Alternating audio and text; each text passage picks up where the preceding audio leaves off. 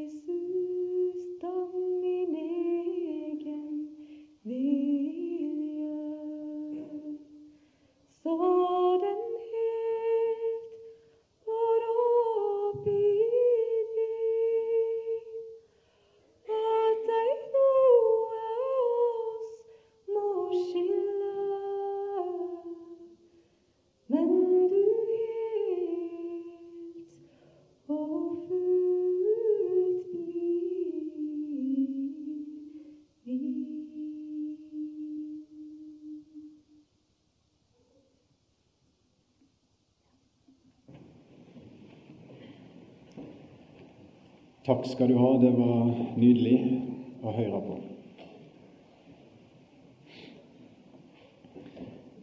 Ja, da er jeg kommet til min eh, fjerde time og eh, min tredje ettermiddagstime, faktisk. Jeg, eh, jeg hadde en opptur i går da jeg var oppe på andre, men så er det boms, boms ned igjen til siste i dag. Det er omtrent så ludo, dette her. Men eh, når det gjelder ludo, så er det om å gjøre å komme først i mål, vet du. Og da har jeg sett på programmet for i morgen, og da er jeg vel til mota.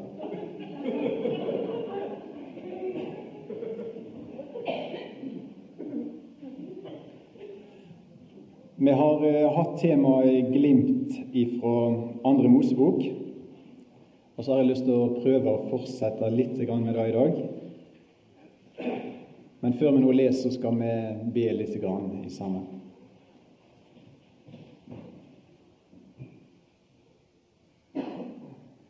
Vi har lyst til å si deg inderlig takk, himmelske Far, for det du har gitt oss i dag. Og så ber vi videre om nåde. Takk for denne vidunderlige plassen som heter Nådens truna. Takk for du er rik nok for alle som kaller på deg. Og så gjør vi det. Og så ber jeg om den nåde jeg trenger for å tjene med ordet ditt. Og trenger, Vi ber om nåde til å høre ordet ditt og ta vare på ordet ditt. At dette kan bli noe for deg. Amen.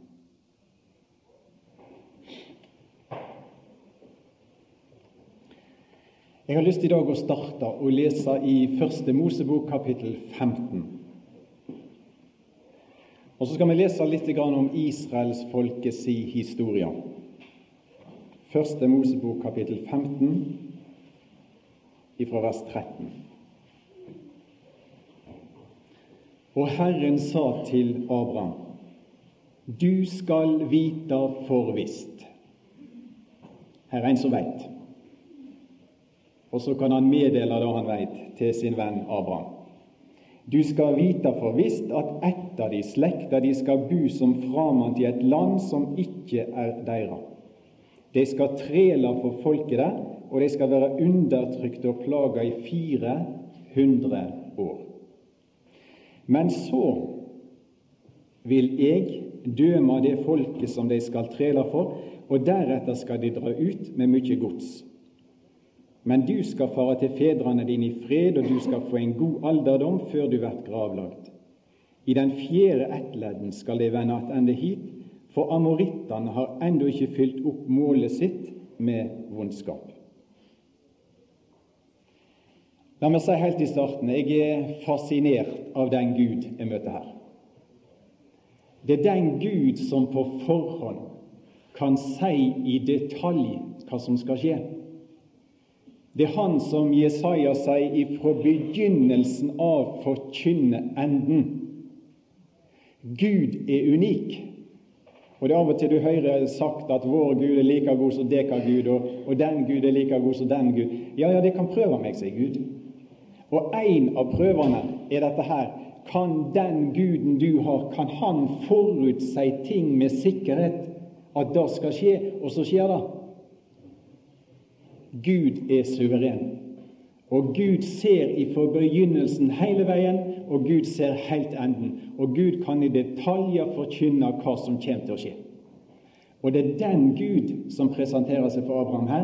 Og så sier han at slekte, han sier egentlig tre ting. At israelsfolket skal dra til Egypt. Det er punkt én. Og for det andre at de skal være der som treller i 400 år. Det er punkt to. Og så sier han jeg skal hente dere opp igjen derifra. Og det er punkt tre. Og dette kan altså Gud si lenge før det skjer. Og så står det i apostelgjerningene 7 Vi skal gå litt igjen, tilbake igjen til, til Stefanus i preik, da, tale. Han talte så det var det siste han gjorde. Det var hans, hans avskjedspreik. Og det er en lang preik, og det er en uhyre interessant preik han Stefanus helt. Men så er han innom Israels historie, og i vers 17 står det Ettersom nå tida nærmer seg da den lovnaden Gud hadde gitt Abraham skulle oppfylles, voks folket og var tallrike i Egypt. Den tida nærmer seg når dette løftet til Abraham skulle oppfylles. Gud fulgte med, Gud visste hva han hadde sagt, Gud visste hva han hadde lovt, og så nærma denne tida seg da oppfyllelsen av Guds løfte skulle skje.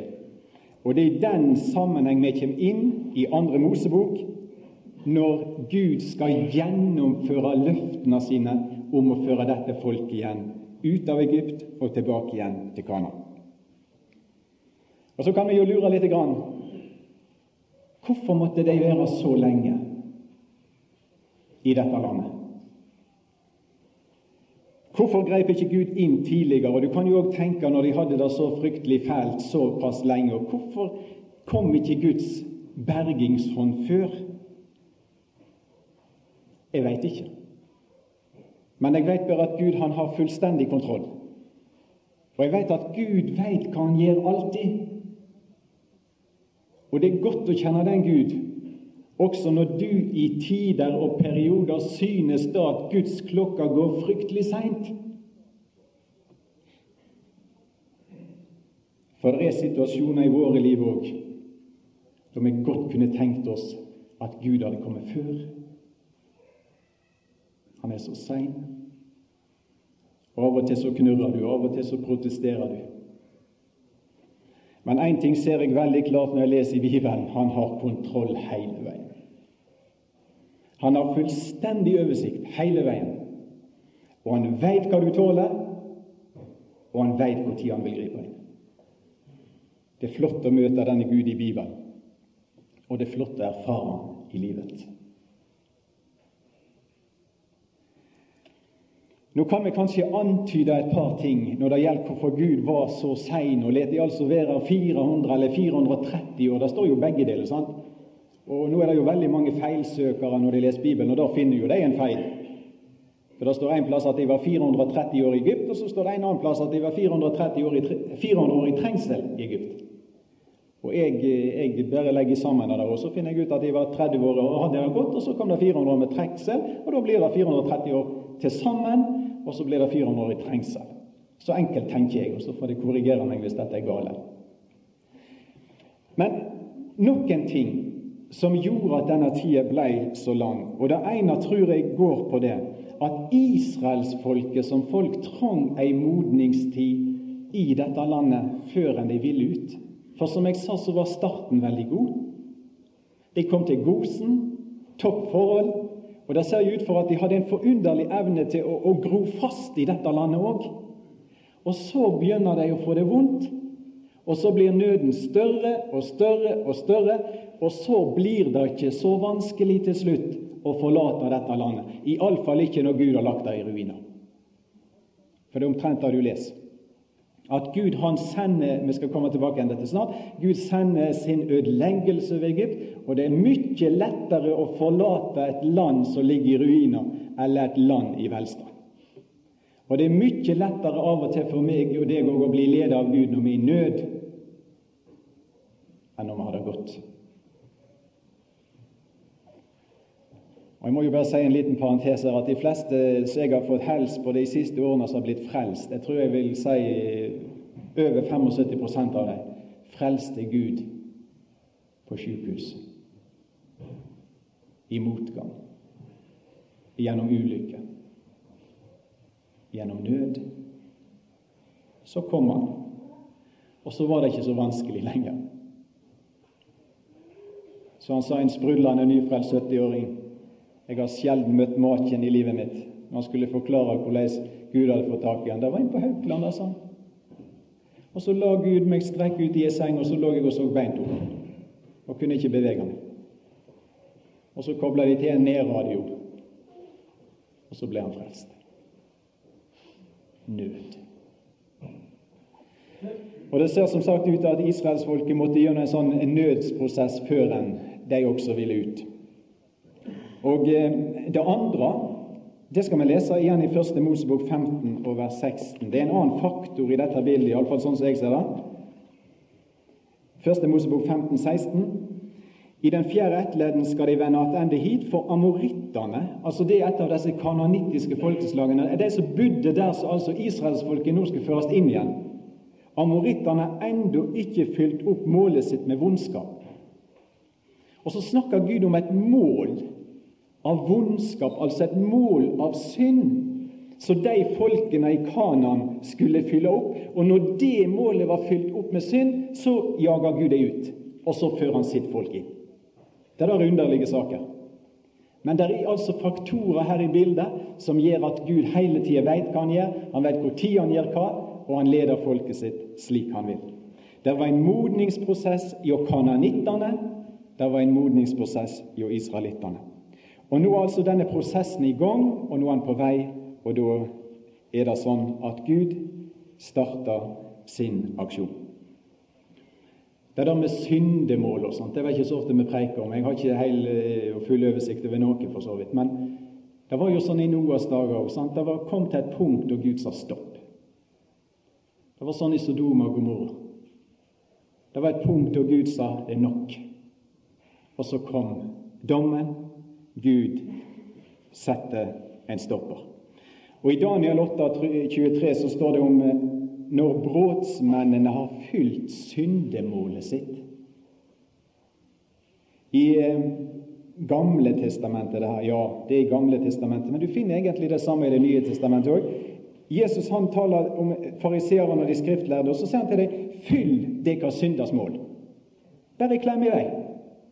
Og så fylles det opp et mål her av synd.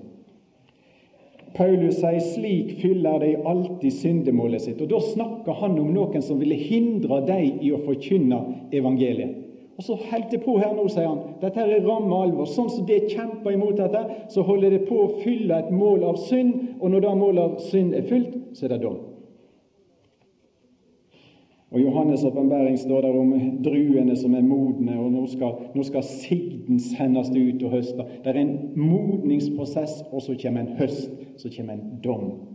Og Dette finner du òg i, i, forbindelse med kananittene, og eh, når Gud skulle føre dette folket inn igjen i Kana.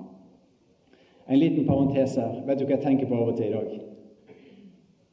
Når jeg ser hva som skjer i denne verden Gud må være uendelig tålmodig. Menneskene oppfører seg mye verre enn dyr. Og det der syndemålet må være uendelig svært. Hva Gud må tåle. Og for et rop det må stige opp til Gud, mye verre enn Sodoma ifra denne verden i dag.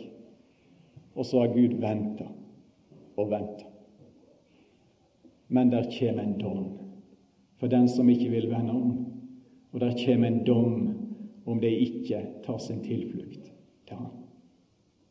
Og Dette er alvor i Bibelen. Og Det ligger litt på meg å forkynne det. Tilbake igjen til andre Mosebok. Tida er inne, og Guds klokke sa at folket skulle ut. Og så setter han altså i gang med sitt prosjekt. Men like sikkert som Gud nå vil ha israelsfolket ut av Egypt, like sikkert er det en motstand som reiser seg. En motstander og det er han farao. Og eh, han sier ikke 'OK, reis'. Når han får beskjed nå, altså er det Moses står jo der, sant, og og så er det beskjed fra Herren at dette folket skal reise. Og så sier ikke farao 'OK, jeg er glad jeg er kvitt Kvittek og bare far'. Han hadde veldig bruk for dem. Det var søkkende billig arbeidskraft i Egypt. Og de utførte masse arbeid og masse slit så egypterne slapp. Og de var veldig gode å ha da. Og han ville slettest ikke gi slipp på det. Og så får vi en kamp. Gud sier 'dette folket skal ut'. Farao sier 'dette folket skal jeg ha her'. Så får du ord imot ord, og du får vilje imot vilje, og du får kreft imot krefter. Og dette er òg noe som er veldig fascinerende å lese for meg i Andre Mosebok. Og det som da kommer inn i bildet, det er mellom annet disse her ti landeplagene som Gud bruker for å presse farao, og han bruker det òg for å, utrette en del andre ting. Når jeg leser om disse ti landeplagene, det er vel ikke så ofte vi preiker om det, men det er kjekt med bibelkurs, vet du, for da kan vi preike om sånn som vi ikke preiker om til vanlig. Skikkelig greit. Eh, så tenker jeg egentlig på en sånn Det er en dum sammenligning, men allikevel. En sånn tirundes boksekamp der han farao får seg trøkk etter trøkk etter trøkk. Og så blir han litt rysta.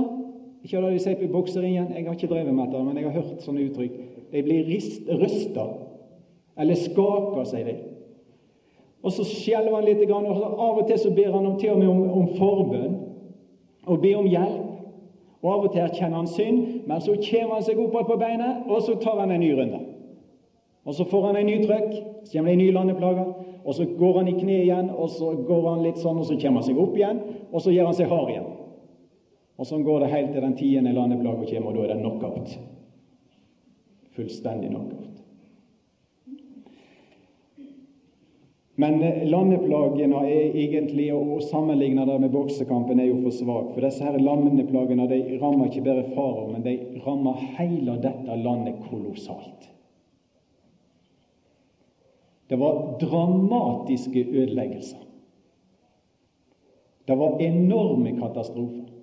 Jeg vet ikke om de hadde det der ordet krise, kriseerklæring og kriseerklære noe for kriseområdet, men hvis de brukte det, så er jeg ganske sikkert at allerede etter første landeplager så kunne de erklære Egypt som kriseområde. Og det kunne ikke være én egypter. Det kunne ikke være én egypter som bodde innenfor dette området her, som ikke på en eller annen måte opplevde tap og vanskeligheter og nød. Det kunne ikke være et barn, det kunne ikke være en ungdom, det kunne ikke være en voksen som ikke på en eller annen måte erfarte forferdelsen som rammer dette landet nå. Hva misjon hadde disse plagene? Hva hensikt hadde disse plagene? For det første, gjennom disse plagene ville Gud dømme egypterne. Da leste jeg i første Mosebok 15, vers 14. Gud sa til Abraham at dette folket som undertrykt mitt folk og, og, og, og vært hardhendte og mishandla mitt folk, skal jeg dømme, sier Gud. Plagene var Guds straffedom over de som hadde mishandla hans folk. Du finner det samme i Stefanus sine, sine munn. I apostelgjerningene 7 så sier han akkurat det samme. At når Gud sender disse plagene, så er det for å straffe de som har plaga hans folk. For tross alt galt med disse israelittene som har sett litt på før, så var de fremdeles Gud sitt folk. Og Det var ikke bare Guds folk, men han sier i 2. Mosebok 4, vers 20, så sier han 'min førstefødte i Israel'. Min førstefødte er Israel. Og du kan aldri tukle med Guds folk uten å få med Gud å gjøre. Det er et prinsipp i Det gamle testamentet, og det er et prinsipp i Det nye testamentet. Før eller seinere får du med Gud å gjøre hvis du går til angrep på Guds folk. For Guds folk er hans eiendom. Guds folk er hans øyenstein. Og farao skjønte litt etter hvert av det. I kapittel 10 så kommer han til den bekjennelse òg. 'Jeg har synda imot Herren', sier han, når han har angrepet Guds folk. Han har begynt å skjønne litt av dette. der. Og Dette her er jo òg en advarsel til alle til, som lever, til alle tider. Det er en lærdom fra andre Mosebok. Vær forsiktig hvordan du behandler Herrens folk. Du skal svare for det en dag overfor Han som eier dette folket, og Han som har det som sin øyeste. Den andre grunnen eh, til disse plagene det er at det òg er en dom, og dette preker vi sikkert veldig sjelden om, en dom over hans eget folk, altså Israel. Og Da skal vi lese Esekiel igjen, profeten Esekiel kapittel 20.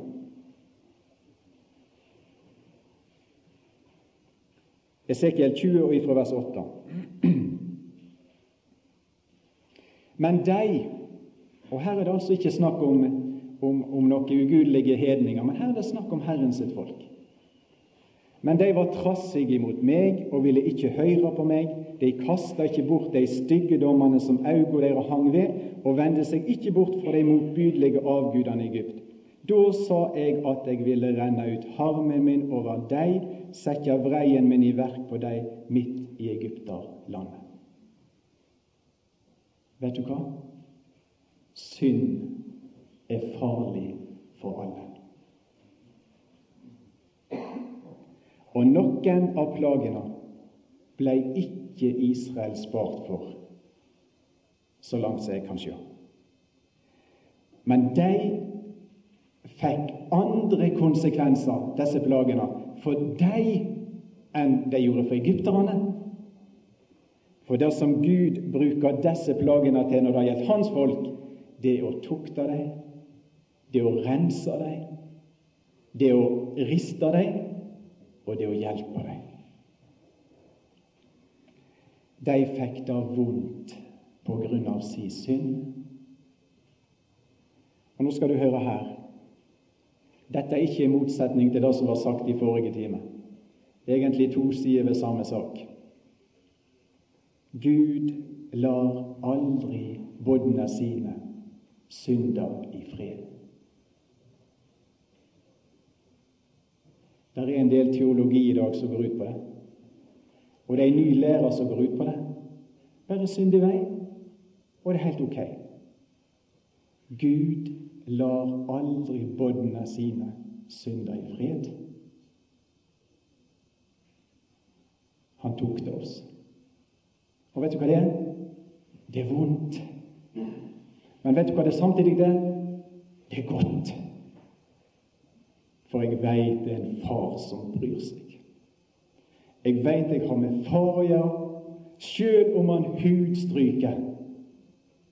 Og den hudstrykingen, jeg var vel inne på det kanskje en dag før, den taler til oss hvis vi hører etter. Så taler den til oss om et hjerte som brenner for oss. Han er nøye med oppdragelsen av båndene sine. Og derfor kan det hende jeg får noen plager hvis jeg vil synde, eller hvis jeg vil være i denne situasjonen. Og de plagene skal du takke Gud for.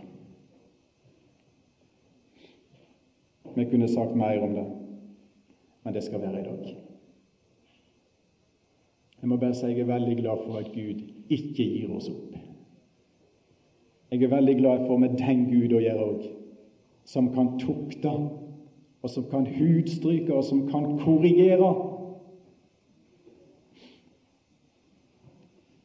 Jeg har kanskje fortalt før om hun lille jenta som satt i søledammen og skjeten og fæl, du, og regn og plask. og Så kommer det ei sånn fin dame forbi og sier 'Å, hvor søt du er'. Hvor søt du er. Ja, sier hun, men jeg er søtere enn jeg er rein.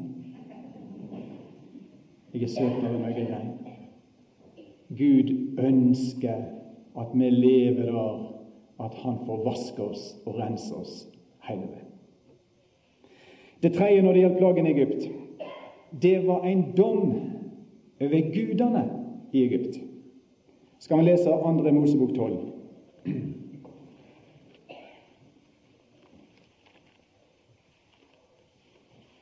Andre Mosebok 12 og vers 12. For samme natta vil jeg gå gjennom hele Egypterlandet og slå i hjel alt førstefødt i landet, både folk og fe, og over alle guder i Egypt vil jeg lagt dom. Så skal vi ta en tur til 4. Mosebok 33. 4. Mosebok 33 og vers 4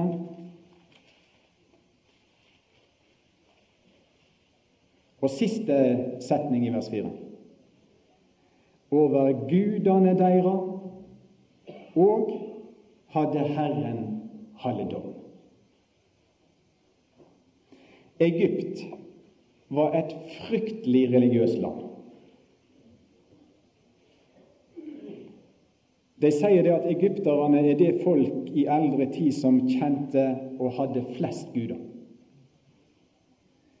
Og Jeg har en bok hjemme i hylla, så jeg, ja, jeg tørker støv av henne, jeg òg. Her en dag, og Den heter 'En guide til gudene'.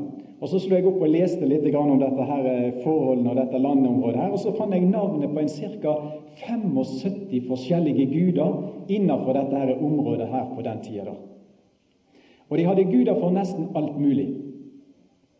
De hadde guder for sola, for månen, for stjerner, altså planetguder. De hadde vindguder og værguder og luftguder. De hadde jordguder og vassguder, og de hadde dyreguder og fiskeguder, og Nilen var en svær gud. De sa jo da at Egypt var Nilen sin gave til folket. Og de skrev hymne om Nilen og de dyrka Nilen som Gud. Det var den som gav dem liv. Den flømte over alle sine bredder en gang i året, og så spredde den ut mudder over hele landet. Og så når dette her gikk tilbake igjen, så ble det skikkelig god vokst der. Og så ble det avlinger, og så takka de Nilen for livet og grøavlingene. Farao sjøl var Gud. Og De hadde utforma disse her mange forskjellige gudene sine som både slanger og krokodiller og okser. De hadde til og med lagd seg froskeguder, og de hadde lagd seg fiskeguder. Og da, da, massevis av tempel der det vrimla av disse forskjellige avgudene. Det skumle med det avgudene det er jo ikke selve utforminga og statuene og skulpturene og dette. Men han Paulus han sier da til, til, til korinterne er det vel også, at, at det som det skumle med avgudene, det er åndene. Altså det er i forbindelse med åndskrefter. Og, og, og, Han sier da at dere må passe dere for å komme i samfunn med vonde ånder. Og han Johannes skriver det i siste kapittel i første brevet sitt. Vokt dere for avgudene og det skriver han til truende mennesker. For dette har med ånder å gjøre, dette har med åndskrefter å gjøre. Pass dere for dem. I Egypt var det veldig mange forskjellige sterke åndskrefter i sving i all denne herre avgudsdyrking. Nå sender Gud ti landeplager. Og Nå har jeg prøvd å, å lese litt om det. Jeg er i fase 1 altså fremdeles, men allikevel. Og jeg har funnet ut i alle fall at det ikke er eneste landeplager som ikke har oppgjør med en eller annen avgud. Altså, jeg vil dømme gudene i Egypt. Og hvordan dømmer Gud avgudene i Egypt? Han avkler dem, og så viser han at de er totalt hjelpeløse. Det får bare trøbbel med dem i stedet for at de kan gi dere hjelp. Og Dette her er altså noe som egypterne måtte lære enormt masse av. Det er jo det at de egyptiske historiebøkene har veldig lite om dette. Og det er kanskje forståelig. For når alle disse gudene deres blir avslørt og knust, så er det ikke mye å skryte av, er det da? Ikke mye å skrive i historiebøkene om. Vil du sette på den, eh, Johan? Jeg har, eh, jeg har satt opp et sånn lite skjema. Det er bak der på andre siden, eller oppå, oppå toppen. Der, ja. Jeg har satt opp et sånn lite skjema. Det er ikke sikkert jeg husker alle disse plagene. Det er ikke nødvendig heller, for så vidt. Men eh, der ser dere eh, hva disse her plagene her dreier seg om. Og Hvis vi nå hadde hatt ti timer, altså, så kunne vi tatt hver ting og så skulle vi funnet navn jeg er helt sikker på om vi skulle funnet navn på avguder i Egypt, så hver av disse plagene har referanser til. Så hver av disse plagene på en måte er et oppgjør med ifra Gud. Jeg har gruppert det i tre. Det er litt enklere sånn for min del. Den første plagen når vatten, alt vann i Nilen blir gjort til blod. Nilen var full av fisk. Og i Nilen var mange ting som òg ble dyrka, som jeg sa før. Og nå er hele denne guden Nilen blitt en stank. Og kanaler og elver og alt som har forbindelse med Nilen, det er blod. Blod, blod. Nilen-guden svikter. Den andre plagen er frosken, som kommer opp og bred seg over hele landet, ute og inne, hele Egypt. Og jeg sa i stad at eh, frosken ble òg dyrka som gud. Jeg har navn på en sånn froskegud. og eh, De sier det at når, når Nilen hadde flømt over breddene sine, og når vannet begynte å gå tilbake, så ble det sånne små pytter, og da begynte frosken å kvakke. Ikke det han igjen? Så spør han Johannes bonde. Jeg tror det, Frosken han begynte å, å, lage sånne kvakkelyder, og da var omtrent så trekkfuglene kommer til Vestlandet om våren. Det var et tegn på at nå, altså, nå er det like før det, den, avlingene kan eh, begynne her, og, og, og velstand kommer. Og så begynte de å dyrke frosken. Og nå fikk de seg med frosk at det ble ei plage alt sammen. Så ble støvet slått, og så ble det mygg. Og Så skriver jeg helt nede her at eh, første plage i hver gruppe varsler ved elvebredden om morgenen, altså plage 1, plage 4 og plage 7. ble varsla ved elvebredden foran farao. Andre plage i hver gruppe ble varsla ved farao sitt palass.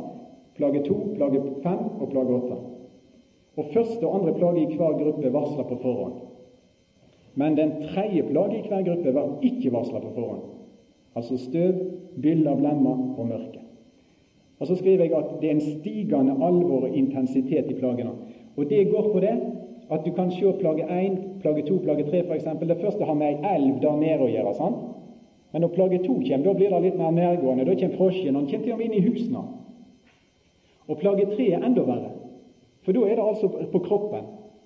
Da unngår du det ikke, men da får du det på din egen kropp, og da begynner det å bli skikkelig nærgående. Og Sånn kan du se intensiteten i de andre plagene òg. Hvis du tar den siste, niende plage, så er det ikke et menneske i Egypt som ikke får trøbbel. For da er det et sånt mørke som det aldri hadde vært før i verden, sannsynligvis. Det var så tjukt at jeg kunne ta på det. Det har vært mørkt mange ganger på Osterøyna, men det har aldri vært så mørkt. Og vet du hva? Folk satte seg ned, og de satt i ro i tre døgn. Du kan tro det var ufyselig. Ingen som gjorde noe som helst. Alle var totalt utslått. Og du kan jo spørre hvor er Ra henne? Hvor er solguden deres nå henne? Hvor er denne solguden som det dyrker så enormt her i dette landet, og så til og med Israel har begynt å bli opptatt med? Hva kan han gjøre for dere nå?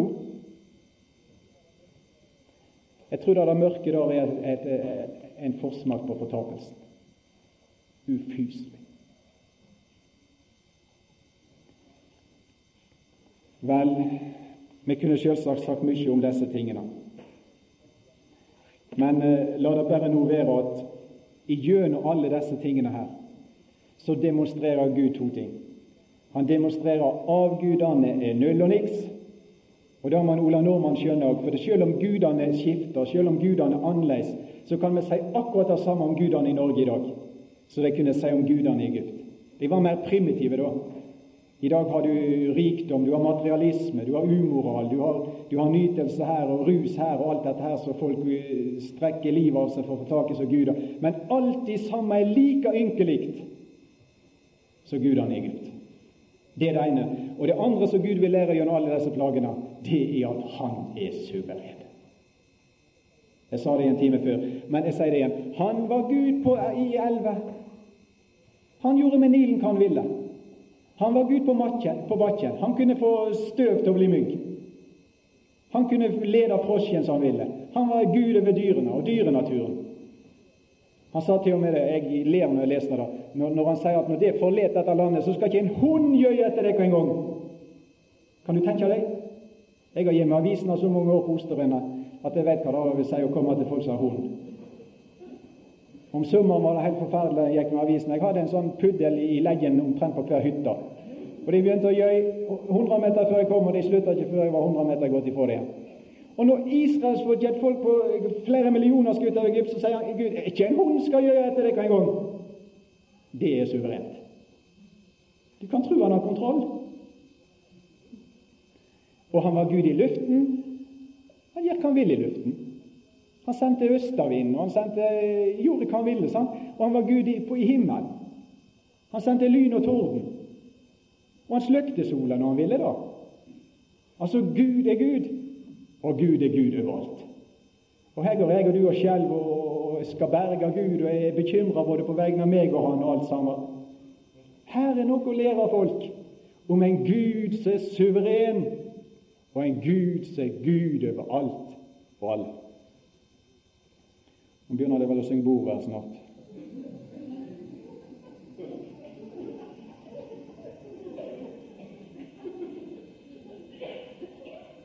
Men vi må bare ta noen vitnemål til slutt. Femte Mosebok fire. Femte Mosebok fire.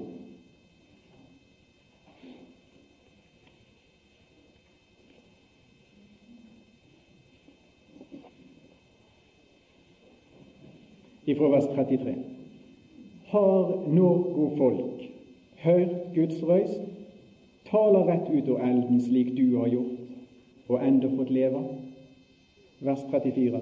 Har Gud prøvd å komme og ta seg et folk og fri det ut av et annet folk, gjennom plager, teikn og undergjerninger, og gjennom krig, og med sterk hand og utrett arm og store, skremmende gjerninger, slik som du med egne øyne har sett at Herren dykkar Gud gjorde med dere i Egypt. Du har fått sjå alt dette, så du, Israel, skal vite at Herren er Gud, Han og ingen annen. Andre Mosebok 18,11. Jetro, svigerfar til, til Moses. Nå veit jeg, på bakgrunn av det vi snakker om i dag Nå veit jeg at Herren er større enn alle guder. Han hadde kjennskap til en del Jetro òg. Men nå vet jeg at Herren er større enn alle guder, for det har Han synt alle de som har båret seg overmodig åt mot dette folket. Har de lært noe? Så kan du lese sjøl i, i Josva 2 om hun Rahab. Og så har hun hørt noe som gjør at når Israel kommer imot Jeriko, så skjønner hun at det beste av alt her, det er å komme i kontakt og komme i, i fred med dette folket og deres Gud. Første Samuels bok 4,8 filisterne. Første Samuels bok 4,8. Og Da er de redde, fordi at de, de, de tenkte at Gud er kommet til leiren. Og de sa, står vers 7 ved oss. Slikt har ikke hendt før. Og så står det i vers 8 ved oss hvem skal fri oss ut av handa til disse veldige gudene? Nå var ikke teologien helt rett her, sant? for de snakker om guder i flertall. Men det som gjør at de er redde, det er at de har hørt og de har skjønt hva Gud har gjort på forhånd. Dette er de gudene som slo Egypt med alle slags plager i øydemarka. Og så har denne kunnskapen kommet ut, og ryktene av denne Gud har kommet ut, så fiendene skjelver og er redde for Israels Gud.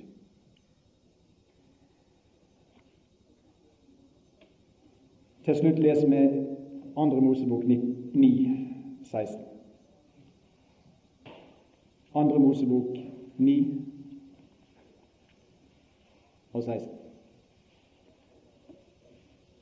Og Der står det hvorfor farao fikk holde på.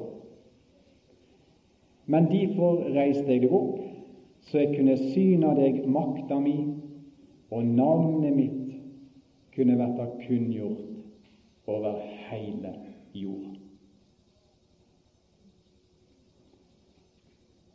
Gud er Gud, og Gud er suveren.